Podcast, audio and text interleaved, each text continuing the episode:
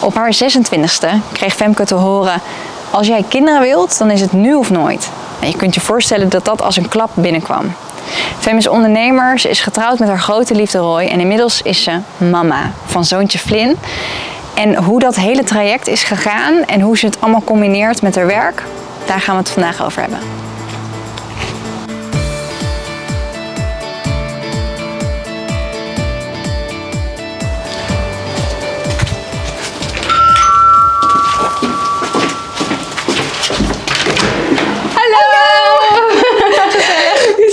Kom binnen.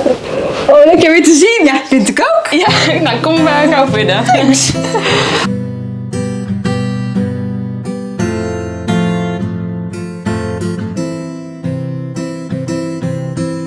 Wil je wat drinken?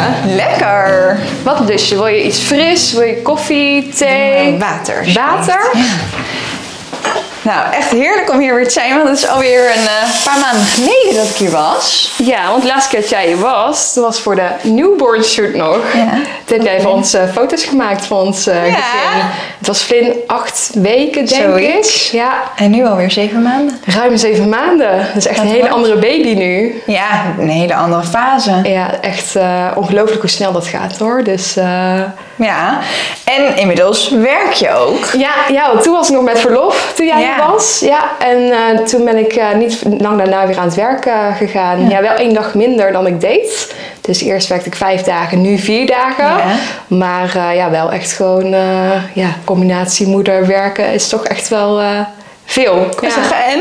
Bevalt het? Ja, het bevalt wel goed. Ik merk wel, eh, en dat is vaak ook misschien onpopulair om te zeggen, maar ik vind mijn werk minder vermoeiend, zeg maar, dan dat ik het vind om een dag met Flint te zijn. Terwijl Flint is een fantastische baby, maar ik merk echt, het is zo vermoeiend om de hele dag met hem bezig te zijn. Je staat constant aan. En als je aan het werk bent, denk je van, ach, Ja, ik ben ook heel erg benieuwd naar jou ja, van vroeger. Want als, Ja. ik keek even op je website en als zesjarig meisje Ja. was jij lekker aan het bladeren door de tijdschriften. En toen dacht jij, dit wil ik. Ja, ja, ik had echt van jongens af aan een droom van ik wil later voor tijdschriften werken. Mocht ik altijd vroeg in de supermarkt een tijdschrift uitkiezen, was echt al een beloning. En toen dacht ik, ja, ik wil gewoon hiervoor gaan schrijven. En dan ben ik ook eigenlijk wel gewoon meteen gaan doen tijdens mijn opleiding al. Dat ik dacht van, eh, ik deed de universiteit, maar ik dacht, ja, dat is allemaal heel leuk. Maar als ik geen ervaring op doe, ja, wie wil me dan hebben? Dus ik ben tijdens mijn studie echt al stages gaan lopen bij eh, verschillende tijdschriften. En ook daar echt ook als freelancer uiteindelijk blijven ja, hangen. En ja, dat is gewoon echt super goed bevallen. Maar uiteindelijk is wel weer die droom veranderd, merk ik. Ja, ik wilde zeggen, leef jij die droom van dat zesjarige meisje? Dus ja en nee? Ja en nee. Ik heb het dus wel een tijdje die droom in die zin geleefd. Maar ik denk mijn droom destijds ook echt was van... Ik, meer dat filmbeeld van oh in New York. En dan werk je voor een groot tijdschrift. En dan loop je daar gewoon heel cool en fashionable rond. En nu merk ik meer van... Mijn droom is echt veranderd. Nu inderdaad ben ik getrouwd. Ik heb een kind. Eh, ik doe nu inderdaad heel veel voor social media, coördinatie en, en planning, creatie. En ja, de droom is gewoon echt, echt anders. Maar dan niet beter of slechter, maar gewoon anders. Maar ja, toen ik zes jaar- was, bestond het internet. Of ja, het internet bestond wel. Ja, maar maar, social, media, media, nee. bestonden nog niet. Gewoon heel mijn baan bestond nog niet toen ik zo jong was. Dus dat vind ik ook wel interessant. Van mijn droombaan bestond nog niet toen ik zes jaar was. Ja. Zullen we het even over die reis gaan hebben? Ja, helemaal goed.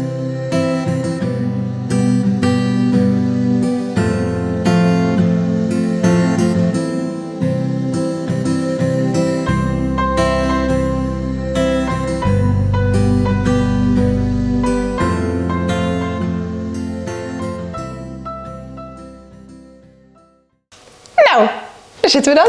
Ja. Ehm, je vertelde net al even dat je droom veranderd is. Laten we nog heel even teruggaan naar eh, studiekeus. Ja. Je hebt dus communicatie, informatie, wetenschap Ja, communicatie en informatiewetenschappen aan de. Universiteit van Tilburg. Ja. Top. En was dat, een hele, ja, was dat dan een logische keuze? Het is een hele stomme vraag. Ga je nu nog mijn studiekeuze in twijfel trekken? nee, het was, eh, ik heb echt wel gekeken juist naar echt de journalistieke opleidingen bijvoorbeeld. Dat ik echt wist, ik wist Ja. zeker, ik wil die tijdschriftenwereld in. Precies. Nou, hoe kom ik daar? Welke opleiding is daarvoor nodig? Maar ik merkte al die journalistieke opleidingen waren heel erg gericht op radio, op kranten en niet zozeer op tijdschriften. En toen dacht ik, ja, waarom ga ik me sowieso niet wat breder oriënteren? Want ja, tijdschrift vind ik heel erg leuk, maar ik weet ook, er is nog veel meer qua communicatie wat je kan doen. Dus ik heb heel bewust gekozen voor een brede opleiding. En wat ik heel tof aan deze opleiding vond, is dat je echt je eigen vakken gewoon mocht kiezen. Dus je kon heel erg je eigen specialisatie kiezen. En dat heeft mij ook echt wel geholpen. Want ik dacht van, oh, ik wil tekst en communicatie mm gaan doen, die richting. Maar gaandeweg ontdekte ik van, oh, eigenlijk vind ik gewoon digitale media en, en bedrijfscommunicatie veel interessanter. Dus eigenlijk was daar al een beetje zaadje geplant dat ik toch richting social media grappig. ging. Ja, heel nice. grappig. En dus stages gelopen uiteindelijk toch? Ja in de magazinewereld. Ja. Was dat dan een beetje à la Devil Wears Prada? Dat dacht ik van tevoren wel. Ik dacht van, oh, nu, nu, nu gaan we het krijgen. Je hebt echt dat beeld wel van, uh, ja, dat er misschien heel erg, uh, hoe zeg je dat? Veel competitie is. Ook al een beetje mean girl-achtig iets. Maar gelukkig is dat totaal niet zo geweest. Het was gewoon een heel fijne cultuur. Juist heel vrouwen die elkaar heel erg juist wel aanmoedigen. En nice. uh, ja, heb ik daar gewoon echt hele goede ervaringen gelukkig gehad. Ja, en dan laat denk ik ook al zien, ja, ik mocht ook als freelancer blijven. Dus het is ook gewoon op een hele fijne manier daar gaan. Als ik het niet leuk had gehad, was ik daar ook niet blijven hangen. Maar dat is allemaal naast mijn studie. Dus op een gegeven moment dacht ik ook van... Uh, ik heb inderdaad in mijn zomervakantiestage gelopen. Uh, inderdaad ook echt even gewoon een break genomen van mijn opleiding... om stage te kunnen lopen. En op die manier uh, ja, echt wel een beetje ervaring opgebouwd. En toen ook mijn bijbaantje in de kroeg kon ik vaarwel zeggen. En dan kon ik als bijbaantje kon ik gaan freelancen. Ja, dus echt ja. gewoon die droom toen al leven terwijl je nog studeerde. Ja, absoluut. En toen was ik ook afgestudeerd. En toen dacht ik ook, oké, wat ga ik nu doen? Want in de tijdschriftenwereld is het echt wel heel erg... Ja, freelance is wel de norm. Er zijn heel weinig vaste banen daarin te mhm. vinden. En ik merk dat ook best wel weerstand uh, opriep in mijn omgeving. Want ja, hoe freelance, je hebt een universitaire studie. Waarom ga je geen vaste baan uh, zoeken? Van, dat is toch veel beter en, en veiliger. En ik had zoiets van ja, ben ik met je eens. Maar eh, ik woonde toen nog thuis. Ik denk, als er één moment is om mezelf die kans te gunnen om het te gaan proberen, is het dan. Ik bedoel, in het ergste geval uh, ja, komt er niet van de grond het freelance bestaan. Maar dan heb ik in ieder geval nog een dak boven mijn hoofd ja, eten op tafel. Precies. Ja, en uh, dus ik had mezelf echt gewoon die kans gegeven om te gaan freelancen. Ja, en dat is zo goed bevallen dat ja, nu, hoeveel jaar zijn we nu verder? Zeven jaar denk ik, acht jaar ja, ben ik nog steeds gewoon aan het uh, ondernemen. Dus ja. uh, uiteindelijk voor mij is het goed uitgepakt. Precies. Ja, lekker. Ja. Goed dat je toch gewoon je hart hebt gevolgd. Ja, ja. Heb je natuurlijk ook meerdere keren gedaan. Was je toen al begonnen met je blog? Ja, ik ben zelfs in 2007 begonnen met bloggen. Ik denk mhm. dat ik ook echt een van de eerste blogs in Nederland toen nog had. Dat is echt, uh, ja, iedereen vond het ook heel gek hoor. Want ik was dat meisje wel blogde. En ik maakte toen ook echt al persoonlijke blogs. Dus mhm. niet zozeer, je had bijvoorbeeld echt die beauty blogs en die modeblogs. Ik was inderdaad echt degene die schreef over mijn middelbare schoolervaring ervaring. Mhm. En ik merkte dat heel veel klasgenoten echt wel uh, ja, mij heel raar daarop aankeken. Waardoor ik ook echt wel daar even mezelf in terugtrok. Door niet mhm. over te durven te praten. Dat ik dacht van oké, ik vind het heel leuk om te doen. Maar ik hou het wel voor mezelf. Want iedereen vindt het stom. Ja, iedereen, iedereen, heeft daar een mening over. En dat is achteraf wel jammer. Maar ik denk ook dat hoort dan ook bij het proces wat je dan moet doormaken van ja, niet te veel aantrekken wat andere mensen van je vinden ja, als je dan 16 bent. Ik wou zeggen, dan ben je ook nog eens een tiener. Ja, dan vind je het heel belangrijk wat iedereen van je vindt. Kun je zeggen van niet, maar dat is gewoon, is eh, gewoon, is zo. gewoon zo. Ja. En laten we wel wezen, wij volwassenen vinden het af en toe ook nog lastig. Als Zeker. je meningen hoort om je heen. Ja. En je deelt nu nog steeds heel veel online. Ja. ja. Vind je dat nu makkelijker? Veel makkelijker. Ja, ik uh, merk nu van je bent dan toch, uh, ja, cliché, je bent, je bent ouder. Je kunt gewoon de meningen van anderen makkelijker uitschakelen. Je weet ook ja, elk huisje heeft zijn kruisje.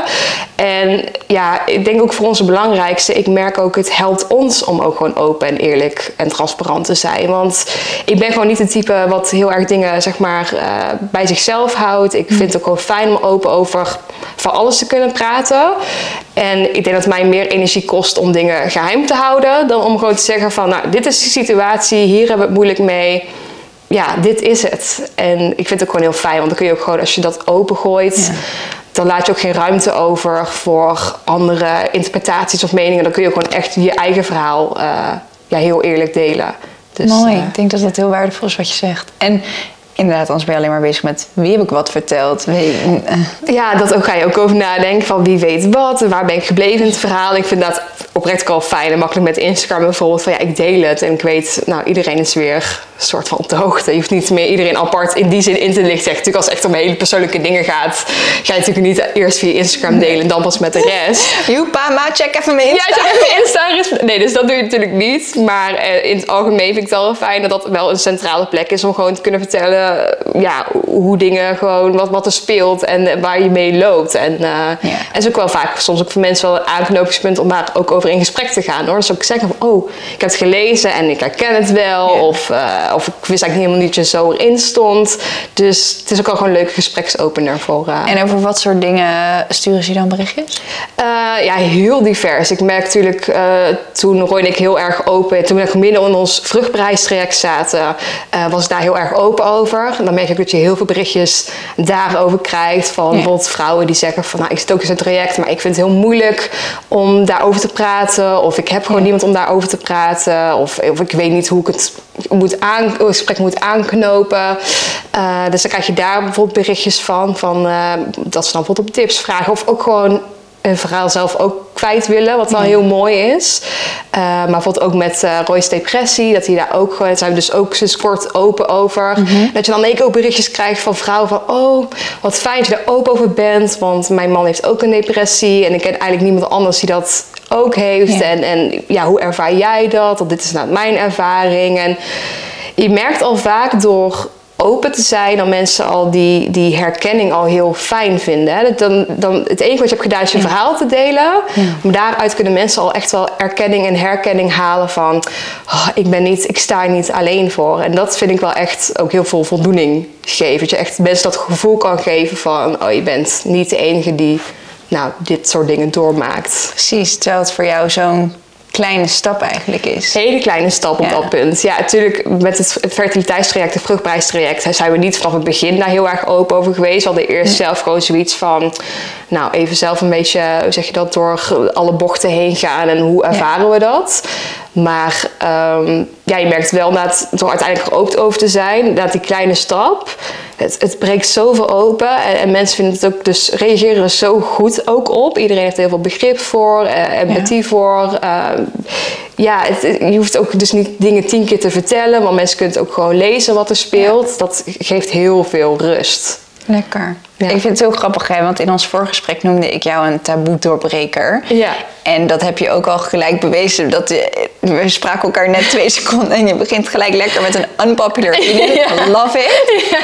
Terwijl je ziet dat zelf helemaal niet zo. Nee, nee, nee. Ik, ik, ik ben gewoon denk ik iemand die, nou ja, weinig schaamte kent, is misschien stom om te zeggen, maar ik ben niet iemand die echt denkt van, oh, mogen over bepaalde dingen niet gesproken worden. Ik, ik ben heel erg een open boek van mezelf. Dat zit gewoon in mij wie ik ben.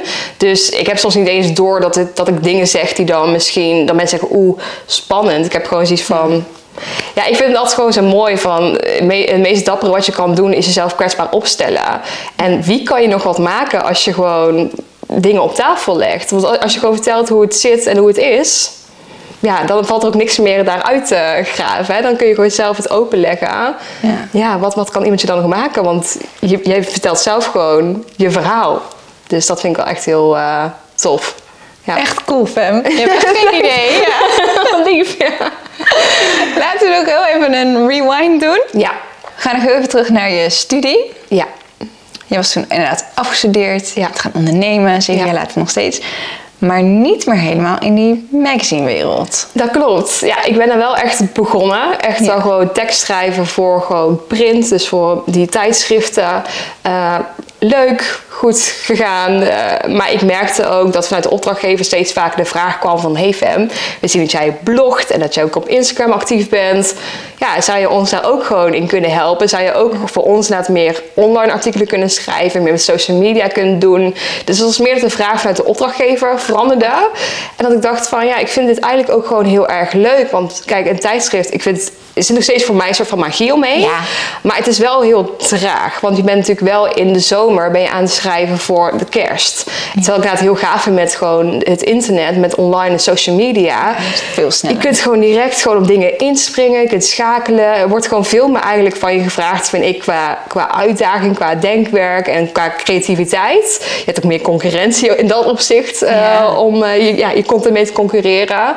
Dus eigenlijk is zo gaandeweg is mijn focus steeds meer verschoven naar online, social media. En eerst was het puur op het creatiestuk. Maar ja, je krijgt gaandeweg krijg je zelf ook gewoon meer ervaring. Kan je ook gewoon beter zien van hé, hey, dit werkt wel, dit werkt niet. En kun je ook gewoon mensen op gewoon een meer strategisch niveau helpen. Dus ik ben eigenlijk zo heel langzaam, heel natuurlijk ook ja, eigenlijk die, die focus gaan verleggen. En dat is echt wel, eh, ja, en nu doe ik gewoon echt wat ja, zo natuurlijk bij mij past. Gaaf. Ja. Heel mooi. En je helpt ook andere ondernemers met hun social strategie. Ja. Ehm, dus sowieso mensen gaan even jou volgen op Insta.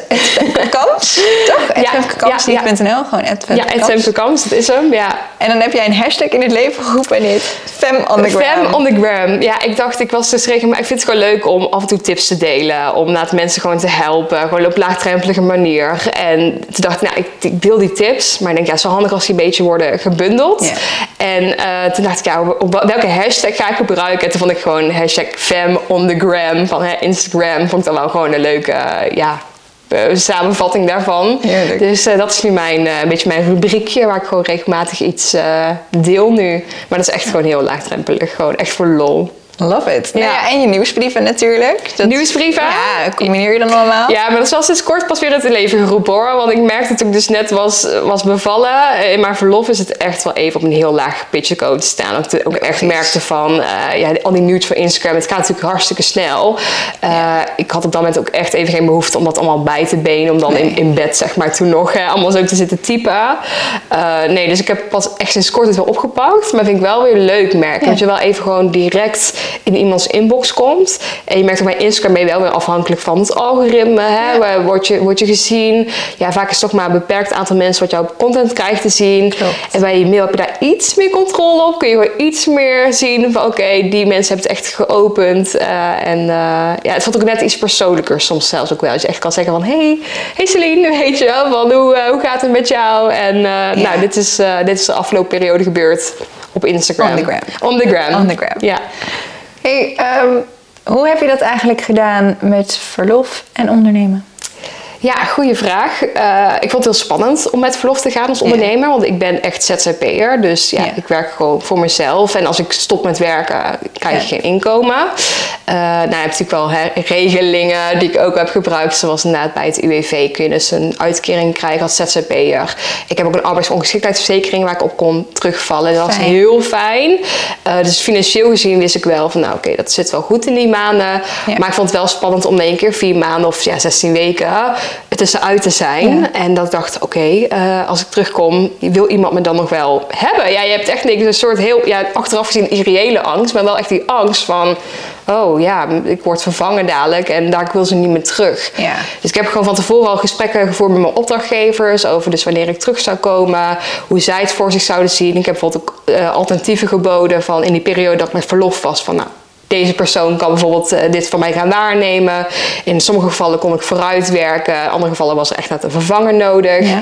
Eh, en op die manier heb ik gelukkig voor al mijn opdrachtgevers het zo goed kunnen inrichten dat ze ook bij terugkomst zeiden van nou, super fijn hoe het is geregeld. Maar ze zijn ook echt gewoon heel blij om je gewoon weer terug te hebben. Dus heel veel opdrachtgevers zeiden ook van tevoren al van ja, je komt toch wel terug hè? Van, ja, als jullie me willen hebben, kom ik heel graag terug. Maar Ja. ja, ik snap dat dat wel gewoon eh, ook voor hun spannend is om dat al van tevoren toe te zeggen. Maar ik heb echt wel daarin heel veel geluk gehad dat ik wist na mijn verlof, ik heb gewoon werk om naar terug te komen. Ik hoef niet nog alles te gaan verzamelen. Heerlijk. En eh, ja, heel fijn. Het heeft heel veel rust gegeven. Ja, dat kan me voorstellen. Want hoe ziet jouw week er nu een beetje uit?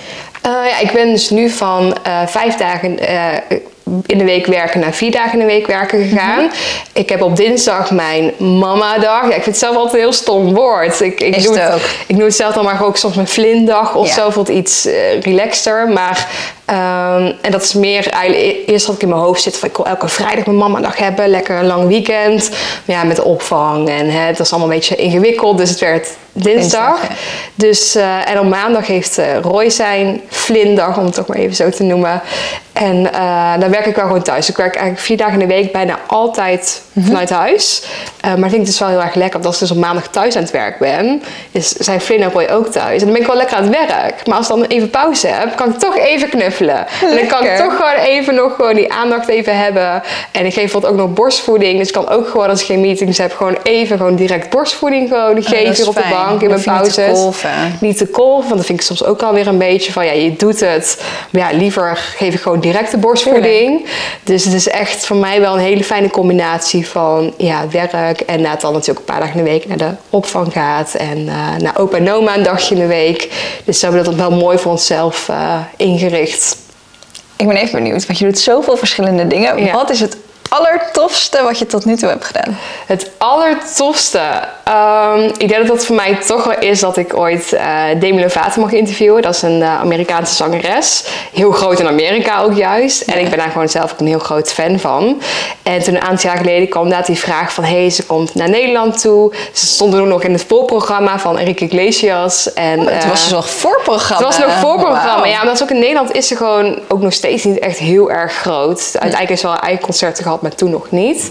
Eh, maar ze stond uit dit voorprogramma en kreeg toen de kans om haar te interviewen voor eh, toen nog ja, Fashionista heet dat, eh, later Fashion Girls.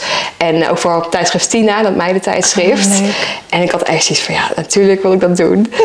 en ja, weet je, het is, uiteindelijk is het niet eens zo heel spannend interview. Want je zit daar in een kleedkamertje, backstage, heel team eromheen. Je moet natuurlijk je vragen moet je voorleggen, ook eerst aan het team.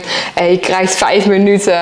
En ja, we zaten wel echt zeg maar zo naast elkaar hoor. Maar uiteindelijk, ja, het is natuurlijk wel heel erg een vaste setting. En het is helemaal niet zo heel spontaan. Ja, toch, je zit wel gewoon knie aan knie met je Ja. idool. En je mag toch wel even gewoon wat vragen stellen. En ik moest wel echt mijn best doen om gewoon mijn cool te bewaren. Dat ik dacht van, oké Femke, je moet wel gewoon professioneel blijven en je vragen stellen. Maar ja, volgens mij was hij helemaal aan het stralen daarvan. Oh, ik zit gewoon tegenover Demi Lovato. En ja, ik zei ook al, was misschien niet de meest sprankelende interview. Vind ik dat wel, is het wel een van de meest vette dingen die ik gewoon heb mogen doen. Cool hoor. Ja.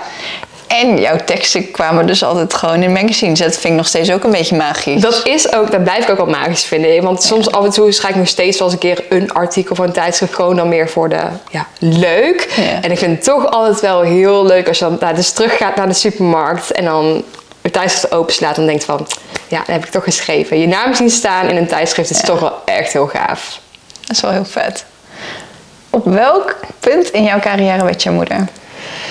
Eh, op welk punt in mijn carrière werd ik moeder? Nou, dat is voor mij dus pas vrij recent. Ja. Ik denk wel op een punt in mijn carrière dat er heel veel rust in mijn carrière zat. Ik ben echt de eerste jaren heel veel aan het, ja, nog steeds hard aan het werk geweest. Maar zeker toen echt aan het bouwen geweest. Aan je carrière echt heel erg hard bezig geweest met dat in die tijdschriftenwereld in te komen. Ja, dat te laten uitgroeien. Ehm, maar ik merkte wel dat nu, eh, toen ik moeder werd, dat er echt wel rust zat in. Dat ik gewoon best wel veel vaste opdrachtgevers had. Dat ik ook echt wel wist waar ik voor stond. Weet je wel, wat dan ook gewoon mijn carrièrepad hoort te zijn. En dat ik daarin niet meer zoekende was. Fijn. En dat is natuurlijk echt wel heel lekker. Als je dan, want er komt heel veel onrust natuurlijk als er een kind in je leven komt. Leuke onrust, maar onrust. Dus dan wel heel fijn als je even kan werk kan denken van... Dat je daar niet over na hoeft te denken van wat je dan nog moet doen. Nee, dat is wel lekker. Dus daar was wel een soort Rust. baken van rust. En sowieso Absoluut. thuis denk ik inmiddels ook. Dus dat Zeker. is lekker. Maar die rust is er niet altijd geweest. Want die was een heel aantal jaartjes weg. Nee, de rust is een heel lange tijd weg geweest. Voor mij is ook een moederschap eigenlijk best wel eh, op een pad gesmeten bijna, zou ik willen zeggen. Eh, want ik was 26, ik was nog niet bezig met kinderen. Ik had wel het idee van, oh, als ik later 30 ben of ouder, dan wil ik wel ooit een keer aan kinderen beginnen. Maar het was voor mij geen prominent topic op dat moment. Eh, maar ineens kreeg ik te horen, ik had een onregelmatige cyclus.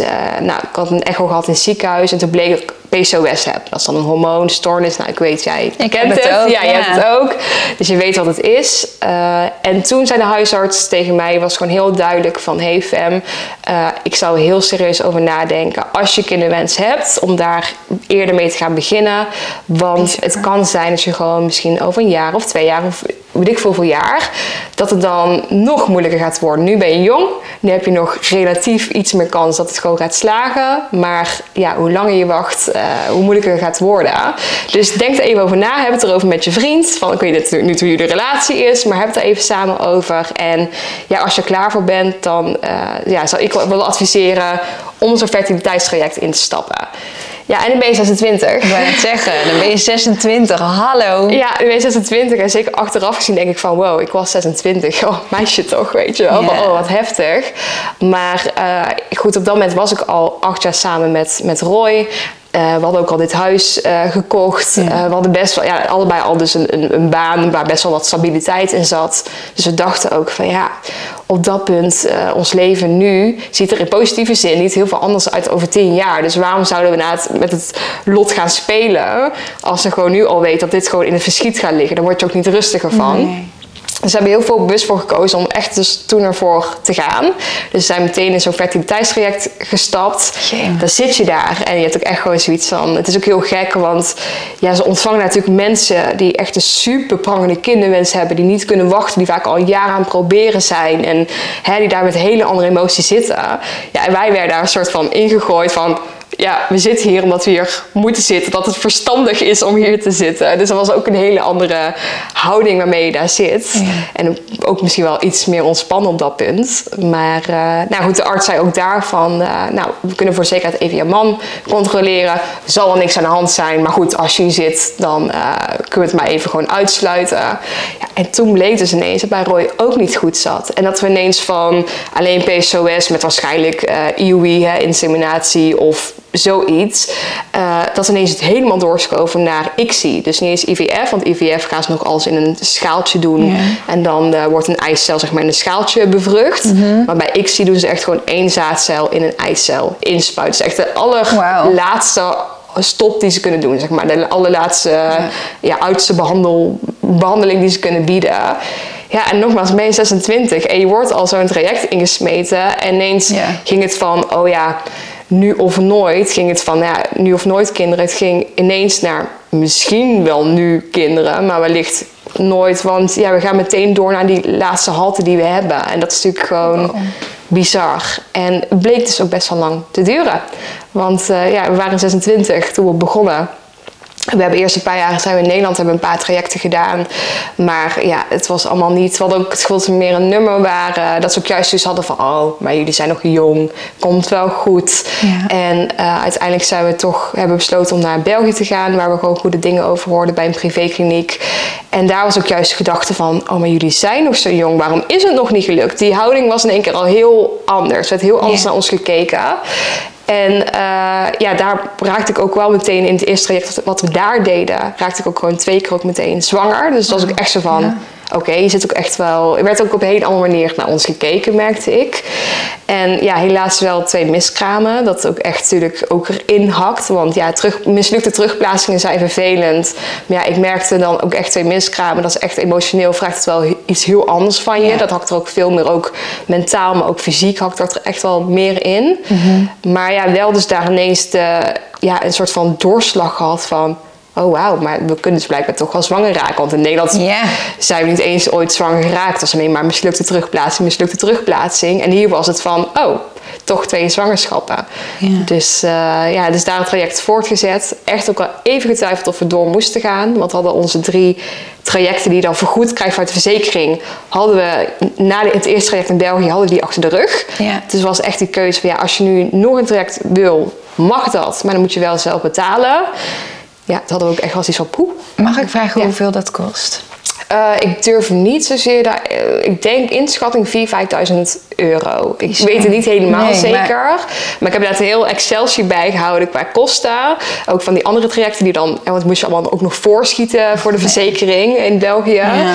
Nou ja, het is zeker al 4.000, 5.000 euro ben je gewoon makkelijk kwijt. Per poging? Per poging, per zeg maar een, een traject. Het is net een beetje dan ja. wat je allemaal doet qua medicatie en zo, qua behandelingen. En in ons geval was het ook echt een duur traject in de zin, uh, kijk, heel veel mensen hebben bijvoorbeeld 10 embryo's of zo uit zo'n traject. Dus dan is het Nou, daar betaal je wel ergens voor. Maar in ons geval was het elke keer één embryo. Twee embryo's. Ja, dat is al een hele dure embryo van 4.000, 5.000 euro. Ja. Dus dat was voor ons ook echt de twijfel van... God, moeten wij, moeten wij nogal verder gaan hiermee? Want als we elke keer maar één of twee embryo's hebben... Ja. Ja, hoe groot is dan de kans dat je uiteindelijk daar dan van zwanger raakt? Of ja, die kans is dus inderdaad ook maar volgens mij 20% per Ja. poging. Dus dan denk ik, ga je echt rekenen van, goh, is het wel verstandig om door te gaan? En het was puur eigenlijk door het optimisme van onze fertiliteitsarts, die echt zo zei van, ja, die heeft letterlijk tegen ons gezegd van, niet opgeven. Hij zegt, ik, ik mag natuurlijk niks beloven als arts zijnde, maar ze zegt, in jullie geval, ik denk echt dat het voor jullie mogelijk is. Ik, ik, ik zou echt willen vragen of jullie het niet willen opgeven, want ik denk dat het voor jullie kan. Dus we hebben eigenlijk op basis toch daarvan gezegd, we gaan nog één traject doen. We gaan nog één keer gaan we het proberen. Eh, en daar is toen meteen Flynn uit voortgekomen. Ja, ik zou het nu ook niet Ja. vertellen. Ja, dat is echt, ja, dat, we stonden echt op het punt om te stoppen. En het is niet zo geweest van, oh, we hebben laten los en dan lukt het. Nee, we zijn er juist echt nog ervoor gegaan. Eh, en ja, toen is het geluk gehad dat Flynn toch nog is gekomen. Dus dat is echt, eh, echt een cadeautje geweest. Ja, echt een bonuskindje, altijd. Ja. Ik moet gelijk denken aan dat videootje wat je toen online plaatste. Ja. Van dat jullie dat telefoongesprek hadden met die arts. ja, ja, ik weet waar dit naartoe gaat, ja. Als we die mogen laten zien, Natuurlijk, ja. vinden. ja. Want zij zegt dan op een gegeven moment... Nou, eh, ik zie jullie bij de volgende. En je ziet jullie ook kijken van... eh. Ja, ik vond het zo grappig, want zij, zij is dus zo optimistisch bij ons. En ik zei, dat heeft ons ook echt wel gemotiveerd om verder te gaan. Maar zij was zo optimistisch van, oké, ik zie je wel terug voor nummer twee. En want ze van, wij zijn al lang heel erg blij dat we er eentje hebben. Van, we hebben niet eens over nummer twee durven nadenken. Nee. Dus dat echt iets van, ehm, ja, oké, zullen we eerst gewoon dit gewoon doen en dan pas misschien eventueel nadenken over het tweede en niet zo. Ik vond het ook zo grappig, zo haar optimisme. Gewoon, Ja. eh, ook alweer fijn dat zo'n arts dan, die heeft natuurlijk heel veel gezien en eh, natuurlijk wel fijn dat ze dan in ieder geval vertrouwen heeft. En ik ben blij dat ze ons dat setje heeft gegeven om toch eh, Ja. door te gaan. Ja. Anders was Vlinder misschien niet geweest. Anders was hij niet geweest. Ja, dat kan je je gewoon nu ook niet, niet voorstellen. Nee, dat is echt... eh, ik ben, maar, maar ik vind dus nu al, hè, dus ook als je het dus hebt over dus een tweede... Ik vind Flynn is al ons, terwijl ik al zei, ons bonuskindje. Ik. Het is al één meer dan je op een gegeven moment durft te hopen. Ja. Dat is echt zo. En over taboes gesproken. Elkaar vragen naar... Komt er een volgende of iets? Ik vind het eigenlijk ook niet kunnen. Ja, ik merk wel, mensen doen het bij mij wat minder. Omdat ze natuurlijk weten Ja. dat ik zo open ben over het traject. Ik merk dat bijna niemand aan mij volgens mij ook durft te vragen van... En Maar ik denk dat je dat met die video ook hebt getackeld. Denk je niet? Ja, nu je dat zegt, ja, ja klopt. Dat het is, ik zeg van, hebben ze niet terug voor nummer twee? Ja. Ja, wij reageren dat ook niet echt daarop. We reageren een beetje van, een beetje geschrokken. Ja, dat denk ik ook wel. Maar Ja. ik, ik denk ook wel dat, dat, dus dat bewustzijn er is van, ja, mensen snappen van, als wij voor een tweede willen gaan, zit daar weer een heel traject aan verbonden. Ja, willen we dat? Wil je dat überhaupt? Geen idee, Nee. weet je wel, dat, daar zijn we helemaal nog niet over uit. En ja, ik dat dat dus wel mensen gelukkig tegenhoudt. Maar ik vind juist voor mensen die dus dat, daar minder open zijn of eh, daar ook ja, een andere, andere, hoe zeg je dat, aanloopje hebben gehad. Ja. Ja, daar is het juist vaak moeilijker voor. Mensen zijn dan heel makkelijk in vragen van en wanneer komt de tweede? Of en wanneer komt de derde? En dat de eerste heel makkelijk is gegaan, betekent niet per se dat de tweede ook makkelijk gaat. Dat zie je ook heel veel, vind ik, Ja, gebeuren. klopt. En dat vergeten mensen. Denken, ja, maar de eerste was meteen raak, dus dan nummer twee en drie ook. En dan heeft dat heel veel aanloopje. Dat is dan heel ja, zielig. kan echt heel, kwetsend zijn. Heel kwetsend, heel confronterend zijn. Zijn er dingen... ehm, misschien moeten we dit staan doen, maar Ja. het is wel nu een mooi bruggetje. Zijn er dingen die mensen tegen jou hebben gezegd tijdens jullie traject... waarvan je denkt, oh man, het kan echt niet, haren staan overeind. Ja, ik denk heel veel. Waardoor het lijkt alsof ik heel moeilijk ben, maar eigenlijk ben ik wel makkelijk. Maar het, het is wat ik, wat je, er zijn een paar clichés die mensen altijd zeggen. En het eerste is dat mensen echt benoemen van je moet het loslaten. Want als je loslaat, dan, Dan word je zo zwanger. Dan word je zo zwanger. En dan vind ik altijd, vond ik altijd zo rot opmerking. Want daarmee leg je eigenlijk de schuld bij, bij een stel. Zeg maar. Daarmee zeg je van je bent nog niet zwanger omdat jij zelf iets fout doet. Tenminste, zo kwam het altijd mij een beetje over. Dus dat vond ik altijd heel vervelend als mensen dat zeiden. Of ook dan, dan ook gaan zeggen van ja, als je loslaat. Eh, ja, ik ken een stijl en. Dus dan zie je ook heel veel gebeuren. Van ik ken een stijl en toen ze loslieten, toen raakte ze zwanger. Of toen ze inderdaad eh, toch nog een- voor de allerlaatste keren voor gingen, toen raakte ze zwanger. Dus dat ze heel erg gaan vergelijken met verhalen die ze horen. En ook dus daardoor te weinig beseffen van vruchtbaarheid is zo, dat heb ik nu echt in de afgelopen jaren geleerd. Vruchtbaarheid is zo'n persoonlijk iets. En kijk, het feit dat we allebei PCOS hebben, dat is een overeenkomst. Maar na jouw traject heeft er heel anders uitgezien Ja. dan mijn traject. Eh, voor mijn zus heeft ook PCOS. Ze heeft weer hele andere eh, symptomen daarvan dan ik Oh, dat ja. heb. Dus zelfs zeg maar, als je zussen anders. bent en Ja. zelfs als, je- als je dezelfde ziekte hebt, ik weet niet of ik het zo mag Weet ik, noemen. ja, ja, ik ziekte, stoornis, I don't know. something. Zelfs dan, het, het, het, het is niet per se hetzelfde. Mensen denken dat wel, van oh, maar die heeft ook PCOS, maar die heeft dit gedaan. En toen is het gelukt, dat, dat weet je gewoon niet. Iedereen heeft daar heel erg zijn Klopt. eigen dingetje in. Dus ja, dat zijn wel dingen die ik dan altijd wel heel eh, lastig vond. Ja. Van als ze dan heel erg ging vergelijken. En ook van, oh, het komt wel goed. Of ik weet zeker dat het goed komt. Want maar je weet het niet je, je weet het echt niet zeker. En heel veel mensen hebben dat vertrouwen van... ja, maar in het ziekenhuis, daar fixen ze je wel even. Het zieken, als je in het ziekenhuis zit... als je maar genoeg medicatie erin duwt... genoeg behandelingen doet... dan word je zwanger. Eh, terwijl heel veel mensen uit zo'n traject komen zonder kind. En die worden echt, vind ik, daarin wel vergeten hoor. Dan is het van, ja, maar als je dan nog één, één traject had gedaan... dan was het wel gelukt. Nou, sommige mensen, nee. Het zit er gewoon niet altijd erin. Dus dat vond ik af en toe wel lastig om daarmee... eh, om te gaan. Snap ik. Je hebt je verhaal ook gedeeld in een tijdschrift. Dat klopt, ja, in eh, NC Magazine. Ja. Heb je die liggen? ja, die heb ik hier eh, op tafel liggen. Zullen we even gaan kijken? Ja, hier liggen dan eh, een paar tijdschriften. Dit staat het artikel echt over ons eh vruchtprijstraject. En dat is ook al heel grappig, want hier hebben we dus ook een stukje anekdote... dat wij dus in Nederland eh, bij die vruchtprijskliniek kwamen voor de Ja. eerste keer. En we gingen zo zitten en die arts echt zo tegen ons van... Zo, daar zitten jullie dan, in een vruchtprijskliniek. En liet zo stilte vallen dat ik echt dacht van... Ja, moeten we nou gaan huilen? Of wat, wat verwacht je nu van ons? Zeg maar, wat, wat wil je van ons? En ja, Roy bleef ook stil van... Ik werd Ja. een kleine staarwedstrijd En? van... Ja. Ja, en? En eh, ja, uiteindelijk praat hij wel verder van nou, wat er ons dan te wachten stond. Maar ik vond het zo grappig dat het echt was van... Hij wachtte zo erg op onze reactie, onze emotie. Terwijl wij- wij daar dus echt heel bleu als twee 26-jarigen zaten van... Ja, wij zijn hier ook maar naartoe gestuurd. Eh, vertel jij maar wat er gaat gebeuren. Wij weten ook niet waar we aan gaan beginnen. Dat is wel echt heel erg eh, grappig. Dus, ehm, Bizar, ja. ja, dus dit is dat artikel in eh NC Magazine. Gewoon Heel mooi hoor. Oh, je hebt ook de tekst heb je zelf geschreven. ja, ja, ik was toen gewoon eh, benaderd, want ja, ik was dus heel open over het traject. En toen vroegen ze, hey, zou je gewoon voor ons eh, tijdschrift daar gewoon ook even willen vertellen? Ook juist in een vorm waarbij jullie dus allebei aan het woord komen. Want dat mis je wel vaak, hè, als het gaat over vruchtprijstrajecten, gaat het heel vaak om de vrouw en over, ja, over, in dit geval over mij. Terwijl ja, Roy, eh, die doet natuurlijk ook al gewoon mee en eh hem dat. betreft het ook.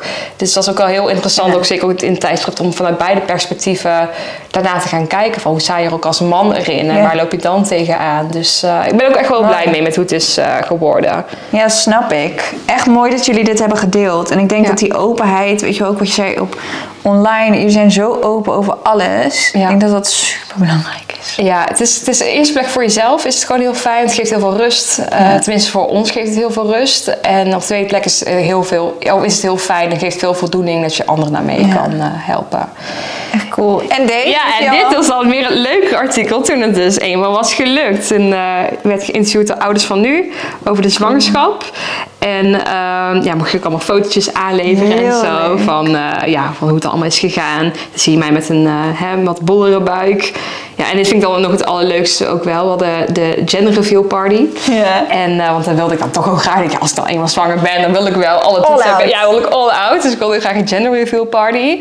Maar we dachten, ja, we willen wel een knipoog doen naar het fertiliteitstraject. Nou, hoe gaan we dat doen? Ja, je merkt vaak wordt zo'n kindje van ICSI en, en fertiliteit vaak een, een reageerbuisbaby genoemd.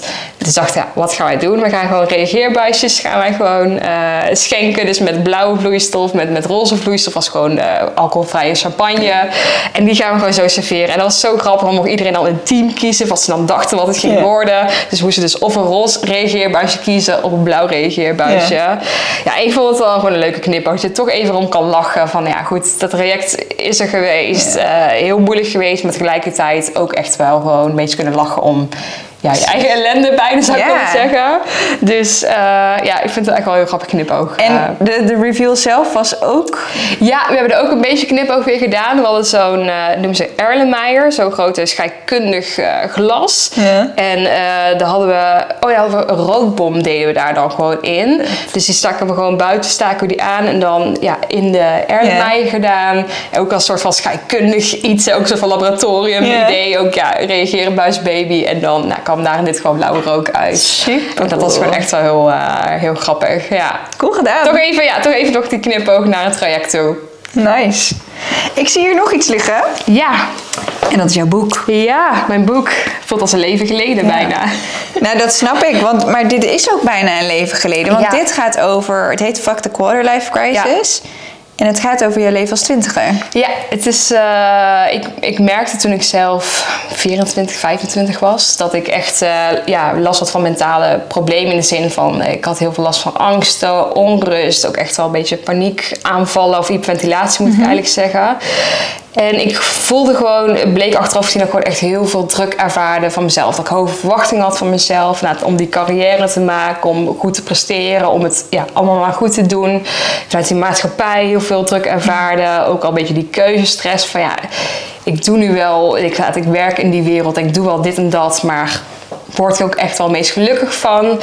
En eh, toen ben ik hulp gaan zoeken bij een coach. En die zei ook gewoon heel ja, praktisch tegen mij van... joh, ga eens praten ook met mensen in jouw omgeving van je leeftijd. Want je gaat merken dat je ook niet de enige bent die ja, dit soort gedachten heeft. En die inderdaad gewoon heel veel prestatiedruk ervaart. Die hoge verwachtingen ervaart. Ja. Eh, en dat was dan ook zo. Want hoe meer ik dus ging praten hierover... hoe meer ik merkte van... wow, dit is echt wel een onderwerp wat heel erg speelt. Zeker hè, bij millennials. Ja, Eh, het, het, de pres- prestatiedruk.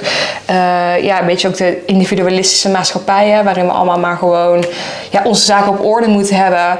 Terwijl eigenlijk die maatschappij ook heel erg is veranderd. Want eh, kijk, vroeger kon je inderdaad gewoon makkelijk, nou dat wil ik niet zeggen, maar wel makkelijker eh, een huis kopen in je, als je twintiger was. Je kon makkelijker een vaste baan krijgen. Eh, je opleidingen waren soms wat korter. Ja, en nu merk je, er is een hele nieuwe levensfase gekomen. Waar we wel een beetje de oude verwachtingen nog aan hangen. Want nu als twintiger, ja, je kunt niet zomaar een huis nu kopen. Je kunt niet eh, zomaar, een vast contract krijg je niet zomaar. Maar ja, we verwachten dat allemaal wel, want we spiegelen allemaal nog aan onze, Onze ouders van vroeger, Van ja. vroeger. En ja, daar gaat dus eigenlijk ook dit boek over. Van alle dingen waar je tegenaan loopt als, als twintiger. ehm, ja, waar loop je daar dan tegenaan? Eh, Ja, het is vooral ook mijn ervaring wel, maar ook van andere twintig, of tenminste van andere vrouwen over hun twintiger jaren, van hoe zij Ja. dat ervaren. En eh, ja, dat is echt wel ja, ook voor ja, een, gespreksopen geweest voor heel veel dingen. Ook al denk ik voor mensen taboe doorbrekend om daar gewoon open over te zijn. Maar ja, het is voor mij ook wel heel gek, want eind 2017 kwam dus dit boek uit. Eh, en dan ben je helemaal dus nog daarmee bezig. Ja, nog een half jaar later werden we in het traject gelanceerd. Dus het was echt heel snel nadat het boek uitkwam... dat ik in één keer van de ene levensfase in deze levensfase zat.